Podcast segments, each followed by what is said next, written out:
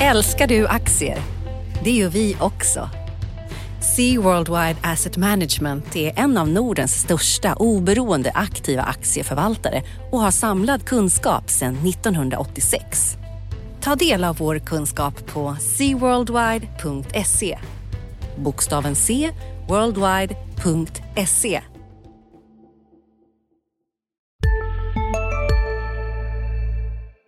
Hej! Andreas Johansson på DIs nyhetsmagasin Ekonomistudion här. Vi fördjupar oss i de viktigaste frågorna och möter Sveriges makthavare inom ekonomi och politik. Ekonomistudion finns där poddar finns varje dag klockan 16. Analyspodden från Dagens Industri. Ja.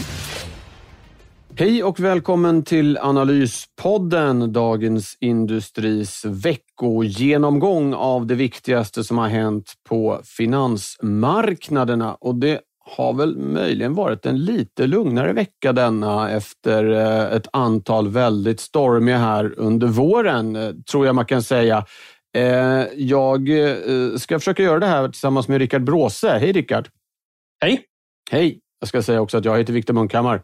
Eh, är det korrekt att säga det, Rickard, att det har varit lite lugnare den här veckan än eh, under de som vi har sett här under eh, ja, framförallt vårvintern men också senare på våren? Jag vet inte. Jag tycker bara börsen går rakt upp varje dag. Nu var det i och för sig igår hade vi en sån här neråt dag för första gången på, på ett tag. Men annars så känns det som att allting bara tickar på nu. Ja, men det är inte såna här rörelser på 2-3 procent i alla fall hela tiden? Uppåt eller neråt? Nej, det får man nöja sig med 1 procent. Ja, okej okay då. Ja.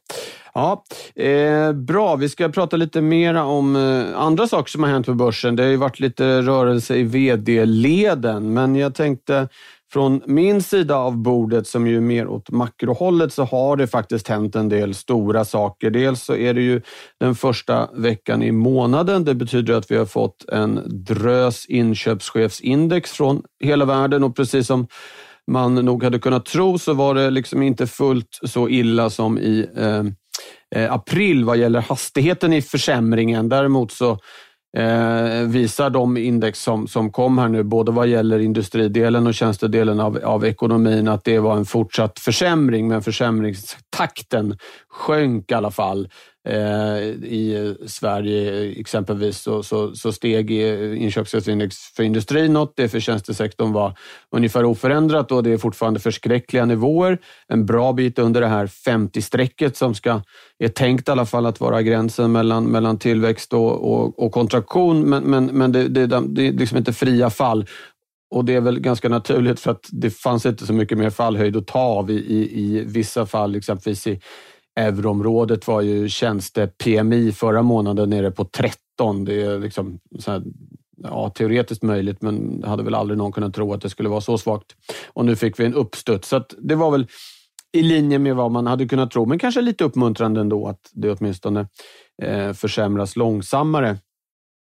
Eh, och sen har vi fått mera insatser från eh, eh regeringar och centralbanker. Det var dels den tyska regeringen som ju i, eh, tillsammans med den amerikanska har varit den klart mest aggressiva vad gäller olika typer av stödprogram som överraskade efter långa förhandlingar eh, och slog till med ännu ett paket på 130 miljarder euro, ungefär 1300 eh, miljarder kronor eller i runda slängar en dryg fjärdedel av svensk BNP om man vill uttrycka det på det viset.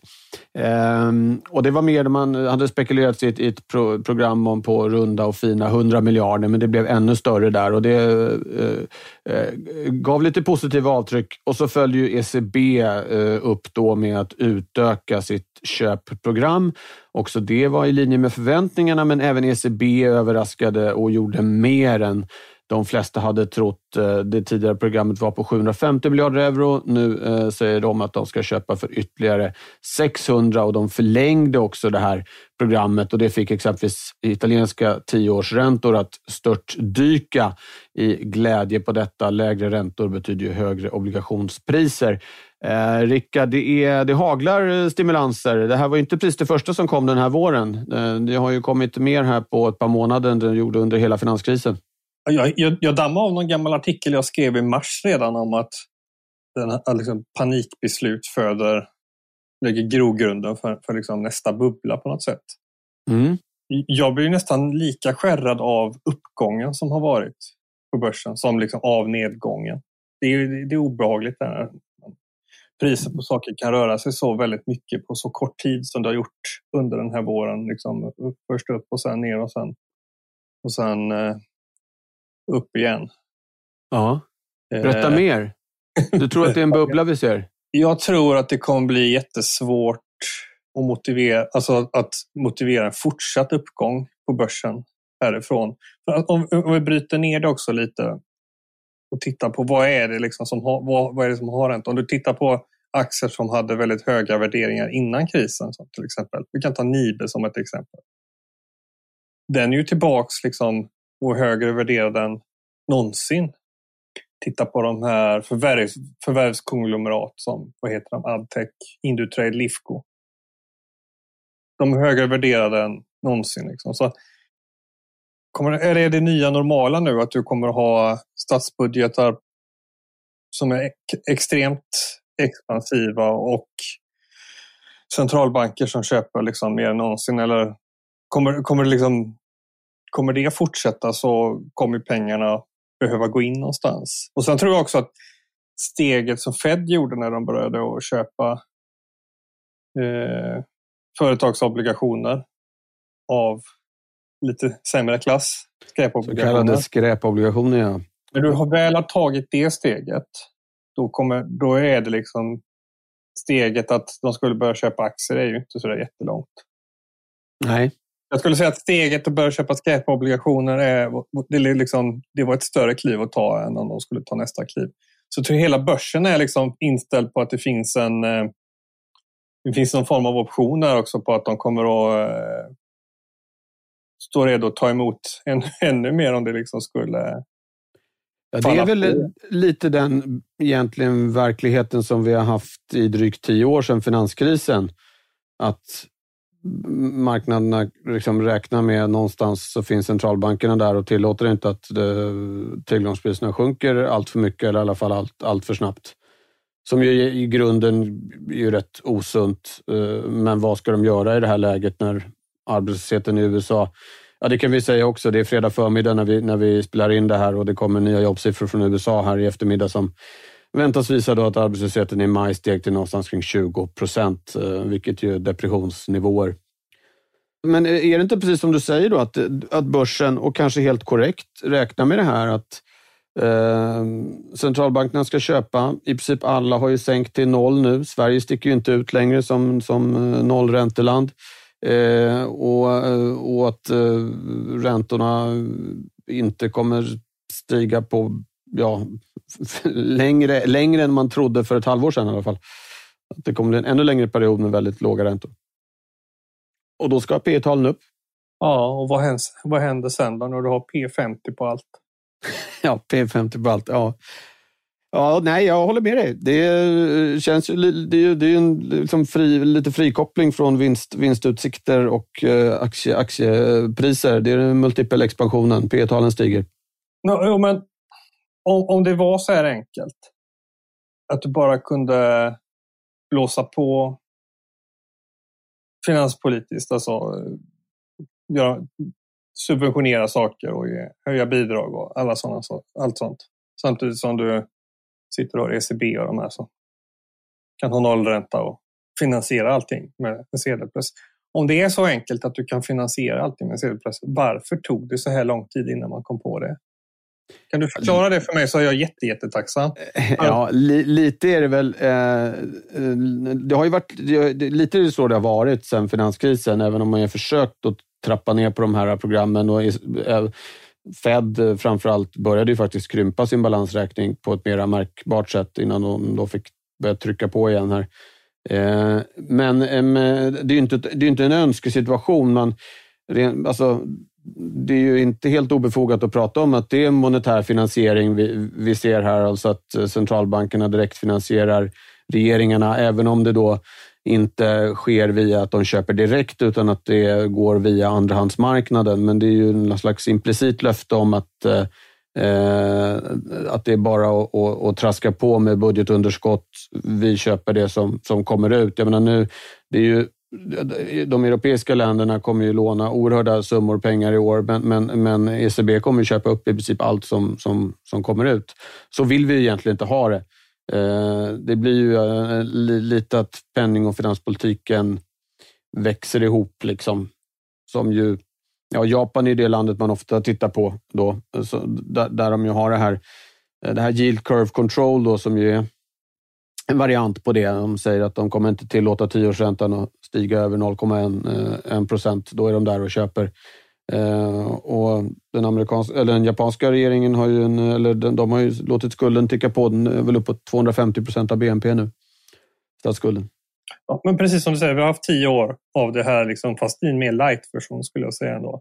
Och varje mm. gång Fed har försökt att ta ett steg tillbaka. Senast var jag för mig att det var hösten 18, när Powell var ganska fräsch på jobbet och hade kommit in och han pratade om att det var eh, att de hade, att de, han uttryckte sig att de skulle fortsätta höja räntan ännu mer och, så här, och börsen bara totalkraschade. Nästa gång som han uppträdde så stod han och läste från en lapp som en skärrad liksom, andra klass elev som höll sitt första skolför... Och sedan dess har det liksom varit en envägs eh, riktning på det hela skulle jag säga.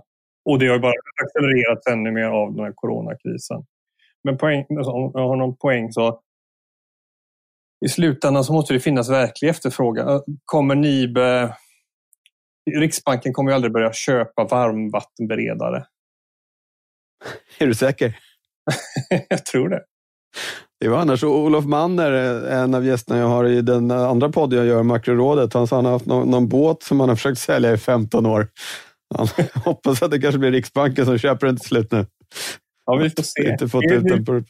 Ja, nej, men visst, det är, ju, det, är ju, det, är ju, det är ju verkligen ett stort eh, experiment det som sker och ingen hade väl önskat att det skulle vara så här.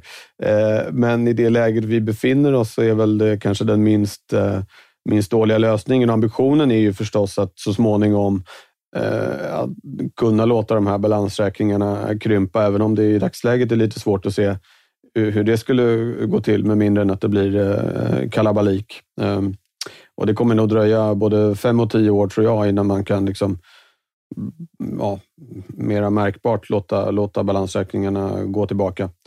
Men vi har ju våra tioårsbett också där jag tror att vi, att vi kommer liksom få en Där jag, min sida är liksom inflation egentligen, att du kommer få inflationsscenario. Det, det känns ju som att man blir nästan inspärrad på något adresserat rum om man säger det idag. Eh, att det liksom, är det no Men om du ska pröva att ta det perspektivet, vad ser du som skulle kunna få inflationen att ta fart i ett längre perspektiv? Och centralbanken har liksom bevisat att de kan um, att de kan fånga fallande tillgångspriser. Kommer de kunna i ett sådant läge liksom, när du har alla spel öppna kunna fånga en valutaförsvagning? Ja, först måste vi påminna lyssnarna om det här vadet. Då. Det är från i höstas. Jag är glad att du tar upp det. Och det är så att Rickard eh, tror att inom en tioårsperiod från i höstas, nio och ett halvt år kvar, att boräntorna i Sverige kommer vara tvåsiffriga. Eh, jag tror inte det och på spel står en lunch på Sjömagasinet i Göteborg. Eh, så ni har förutsättningarna klara för er. Eh, traditionellt sätt att se på inflationen är liksom att, att det bara är Friedmans. Det är ett monetärt fenomen och nu eh, skapas det då massa nya, nya pengar och därmed skulle det till slut bli, bli inflation. Eh, för att det ska ske måste pengarna snurra också i, i ekonomin. Eh, money velocity som finns med i den där ekvationen. Eh, och det gör de ju inte nu. De hamnar ganska mycket tillbaka hos centralbankerna på olika sätt. Så att det behövs ju att, att efterfrågan i, i ekonomin kommer igång. Och sen vad gäller att stoppa inflation det, det är ju inte så svårt för centralbankerna. Där, där kan man ju på det gamla hedliga viset eh, höja räntan. Sen så vill man ju liksom inte eh, skapa en, en ny lågkonjunktur genom att höja räntan, utan man vill ju göra det i, i lagom takt. Då. Men om de verkligen vill få stopp på inflationen så, så, så går ju det. Eh, sen kan man ju tänka sig att det kommer in lite nya element efter den här krisen vi är inne i nu. Om man tänker sig att den 30 30-åriga utförsbacke vad gäller inflation och realräntor som vi har, har, har, bakom oss, eh, att den har hängt ihop eh, till stor del med att eh, arbetsutbudet i världen har liksom exploderat. Det var, vi såg plötsligt hela östblocket kom med, Indien och Kina framför allt, som ju är tredjedel av jordens befolkning. Plus globaliseringen då, som har gjort att priser liksom inte sätts lokalt utan globalt.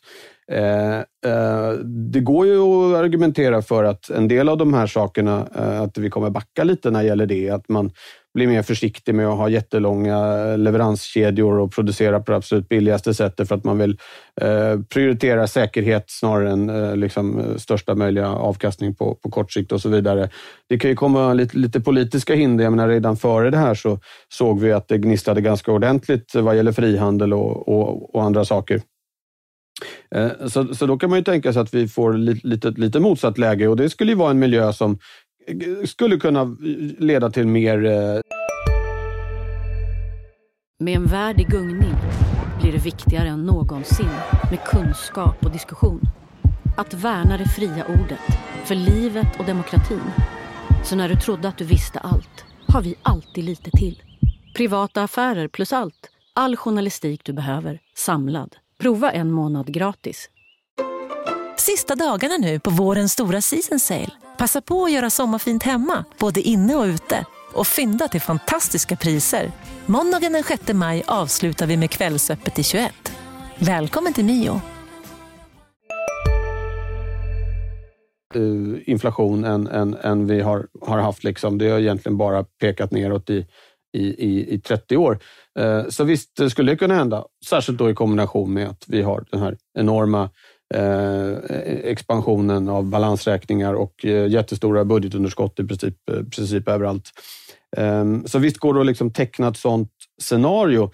Sen tror jag då att den där efterfrågan inte riktigt kommer finnas där. Vi ser att arbetslösheten stiger på de allra flesta håll. Eh, det betyder ju rimligen att vi inte kommer få något lönetryck att tala om och utan ett lönetryck så är det liksom svårt att få någon, någon, någon inflation, i alla fall på, på, lite mer uthållig, av mer uthållig karaktär.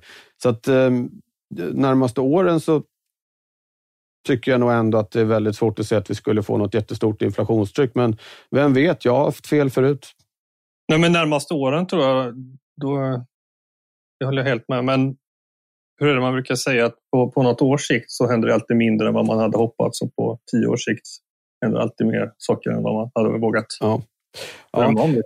Ja, i alla fall. Vi, vi, kommer väl få ha saker att skriva om i alla fall och prata om. Det kan man nog eh, konstatera. Eh, om vi, vi utlovade ju lite att vi skulle ta upp ehm, eh, vd-snurr på, på, på börsen. Det allra senaste här är ju att Lotta Lyrå byter från Clas Olsson till eh, Södra Skogsägarna. Eh, beskedet från Clas Olsson kom igår kväll och så nu på morgonen fick vi veta vart hon, vart hon skulle. Eh, har du no något att säga om det? Jag tyckte det kändes lite tråkigt att hon inte blev kvar på börsen. Jag med. Eh, på ett sätt så kanske det var en hint om att det inte skulle vara något börsnoterat när Claes Olsson först gick ut och sa att, eh, att det kommer ett besked imorgon för att börsbolag ska ju enligt MA-reglerna gå ut liksom så fort som eh, så fort, så fort det är klart i princip. Och sen eh, kan man väl slingra sig runt det lite grann. Men, men det tyder ju kanske på att det inte skulle vara något börsrelaterat. Men jag satt ju igår och hoppades att det skulle vara någon sån här ICA. Eh, det hade varit jätteintressant. Hon, hon har bakgrund på Södra, gjorde många år på Ikea och varit på eh, Clas Ohlson jag tror det är tre år ungefär.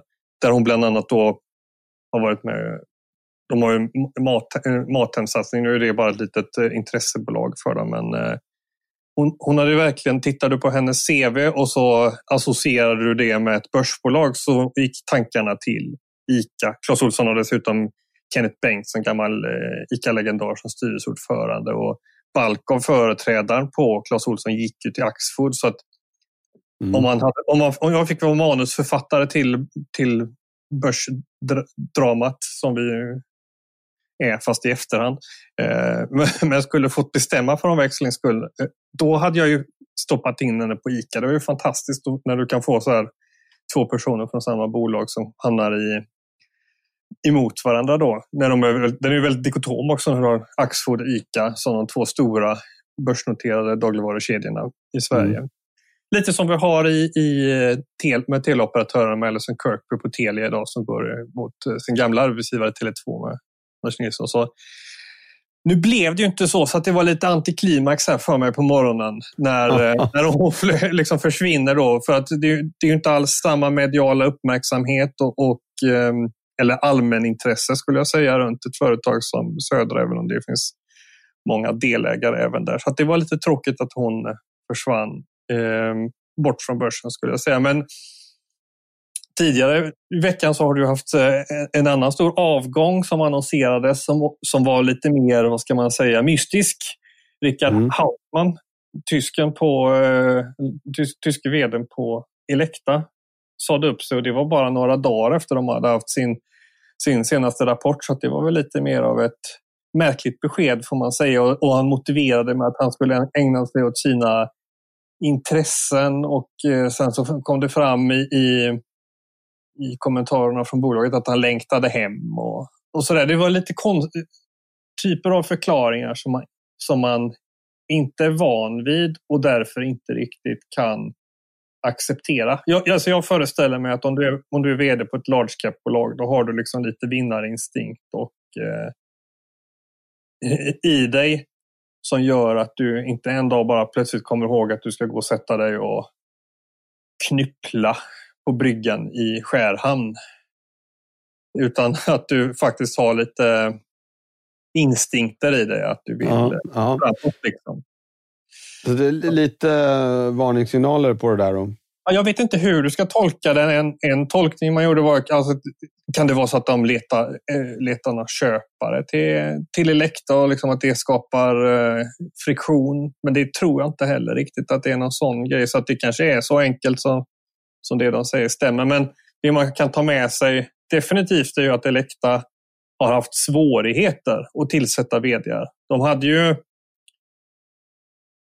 om man backar bandet fem år så hade de en vd som hette Niklas Savander som under ganska dramatiska omständigheter fick sparken.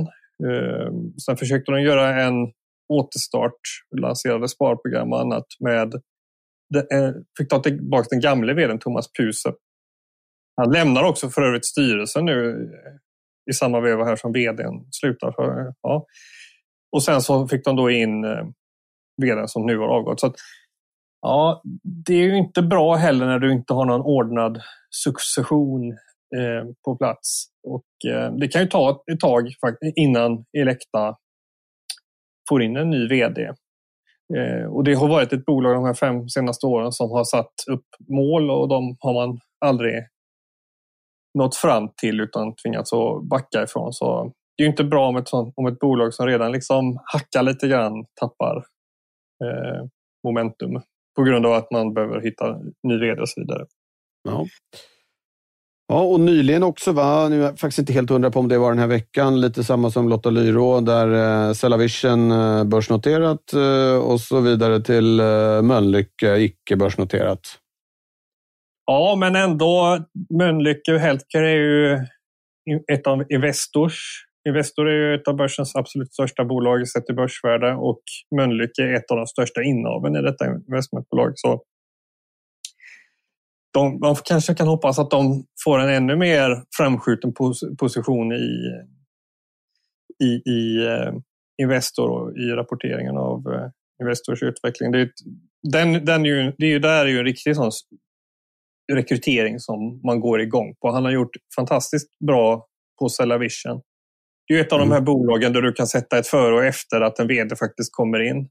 Där det lyfte på allvar efter att han, efter att han tog över. Det är, eh, så det ska bli väldigt intressant att se vad, vad som kan hända med, eh, med Mölnlycke framöver och välförtjänt eh, Ska vi då hjälpa Elekta kanske att hitta en VD så tycker jag då kan vi hålla oss i Göteborg. Ehm, det hade varit väldigt intressant om de kunde locka över Thomas Axelsson från Vitrolife. Det är, exakt samma då som, som Cellavision, att du har ett före och ett efter Thomas Axelsson. Han kom först in som tillförordnad vd faktiskt bara Eh, men om du tittar på aktiekursen före och efterhand så har den ganska stor skillnad i grader i lutning.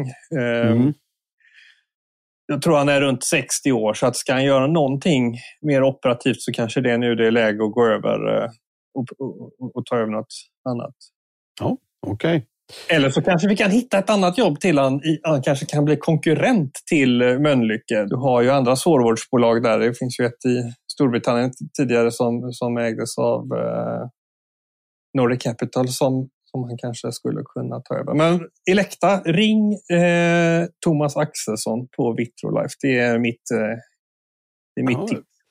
Rekryteraren Rickard Bråse kliver fram här. Det, honom har jag inte sett förut. Men ja, det är bra.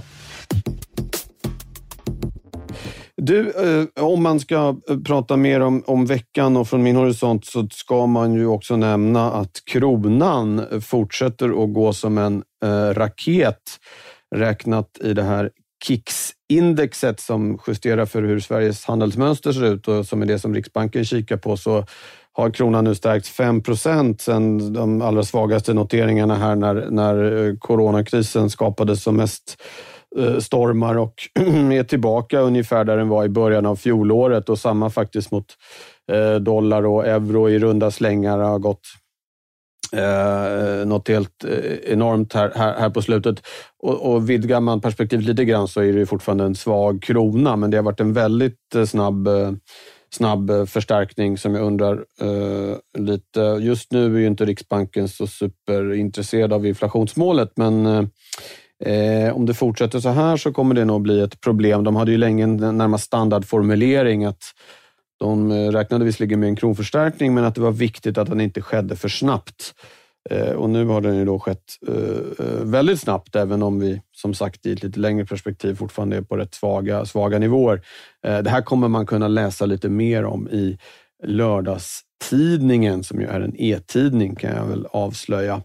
Eh, när vi har eh, avslutat det här ska jag sätta mig och skriva om den saken nämligen. Men det, det är ju någonting som eh, eh man kan ju se det som, eh, det brukar ju heta att en svag krona liksom generellt inte är, gynnar, gynnar Sverige. Nu är vi ju faktiskt i ett läge där visserligen alla bolag har det jättejobbigt, men allra värst är det ju för eh, detaljhandelsföretagen och de tenderar ju att vara importörer så att kanske en liten, en liten hjälpande hand till dem i alla fall om nu kronan Eh, fortsätter, fortsätter att stärkas, även om det såklart för de allra flesta lite, lite större bolagen, exportinriktade, så är det ju eh, kanske ett litet minus.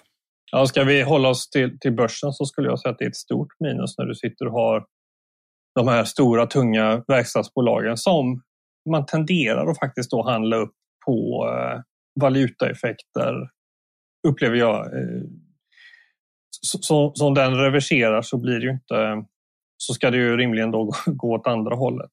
Mm. Ehm, ja. Helt enkelt.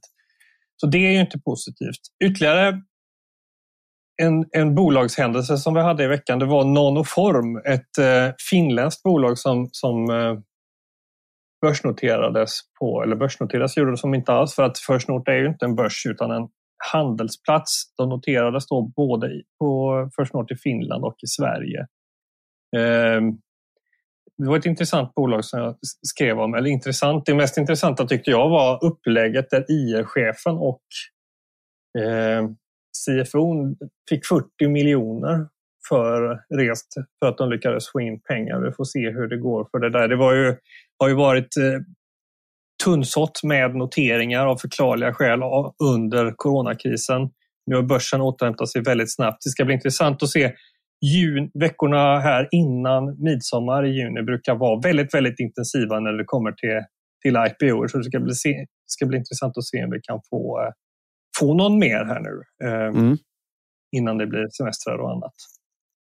Ja, det vore väl i linje med den utveckling vi har sett när det är liksom tjo och tjim. Um, det har ju verkligen varit en, en V-återhämtning på börsen som vi har varit, varit inne på. Uh, och lite tycker jag ändå att man kan ana tecken på att det också i den riktiga ekonomin skulle inte behöva bli fullt så illa som det såg ut som för en, för en månad sedan. Eh, mycket av den statistiken som har kommit har ju varit jättedålig, men inte fullt så, så svag som befarat. Eh, lite sådär ströinformation också som igår kväll att American Airlines eh, ska utöka sina, sina flighter. Förstås kommer de ligga på en lägre kapacitet än för ett år sedan, men ändå att de ser en efterfrågan från, från, eh, från eh, kunderna. Eh, så att lite, lite börjar det verka som att det ändå rör på sig i också den, den reala ekonomin och det är ju hoppengivande efter den här hemska, hemska våren och då kanske det men på börsen har det som sagt varit full fart hela vägen så att lite noteringar kanske trillar in också då i linje med riskaptiten. Ja, det återstår att se Bra. Rickard, ska vi ta och runda av det här eller är det något mer du vill lägga till? Nej, det är väl bäst att få tyst på mig, tänker jag. ja, okej. Okay. Eh, då säger vi så. Vi stänger veckan eh, på det viset och kan då eh, påminna om att det finns andra poddar man kan lyssna på från Dagens Industri. Digitalpodden som handlar om just den digitala delen av ekonomin. Inte så svårt att gissa. Eh, vi har dagliga poddar som exempelvis Ekonomistudion och eh, onsdag i nästa vecka är det säsongsavslutning för Makrorådet. Eh, det finns andra saker också. Det är bara att gå in och laborera under podcasts på sajten. Eh, men nu säger vi tack för den här veckan. Ta hand om er så hörs vi. Hej då! Hej då! Analyspodden från Dagens Industri. Programmet redigerades av Umami Produktion. Ansvarig utgivare Peter Fellman. Hej! Andreas Johansson på DIs nyhetsmagasin Ekonomistudion här. Vi fördjupar oss i de viktigaste frågorna och möter Sveriges makthavare inom ekonomi och politik. Ekonomistudion finns där poddar finns varje dag klockan 16. I podden DI Jämställt näringsliv möter vi kvinnorna som har nått toppen och personerna som verkar för ett mer balanserat näringsliv.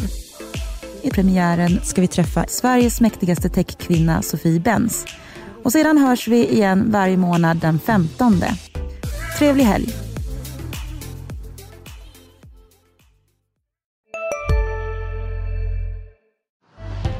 Älskar du aktier? Det gör vi också. Sea Worldwide Asset Management är en av Nordens största oberoende aktiva aktieförvaltare och har samlad kunskap sedan 1986. Ta del av vår kunskap på seaworldwide.se bokstaven C, worldwide.se